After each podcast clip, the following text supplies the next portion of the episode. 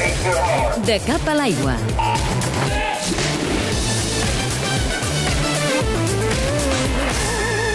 El Quico Herbàs o l'Èrica Villaefija són dos dels nedadors catalans que disputaran les proves d'aigües obertes durant el Mundial de Natació que es farà l'any que ve a Barcelona.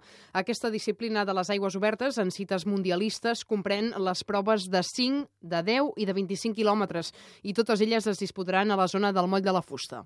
Eh, hi ha un recorregut que són 2.500 metres de, de corda que va per dins de, del port al voltant del Mare Magnum, eh, fins a davant de l'aquari i tal, i aquest és el recorregut que es farà per les proves de 5 quilòmetres i 10 quilòmetres.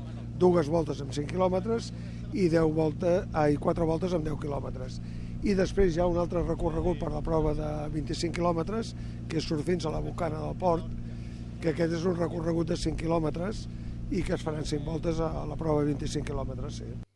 Qui fa aquesta radiografia dels circuits és el Toni Comas, el director de competició d'aigües obertes d'aquest Mundial de Barcelona.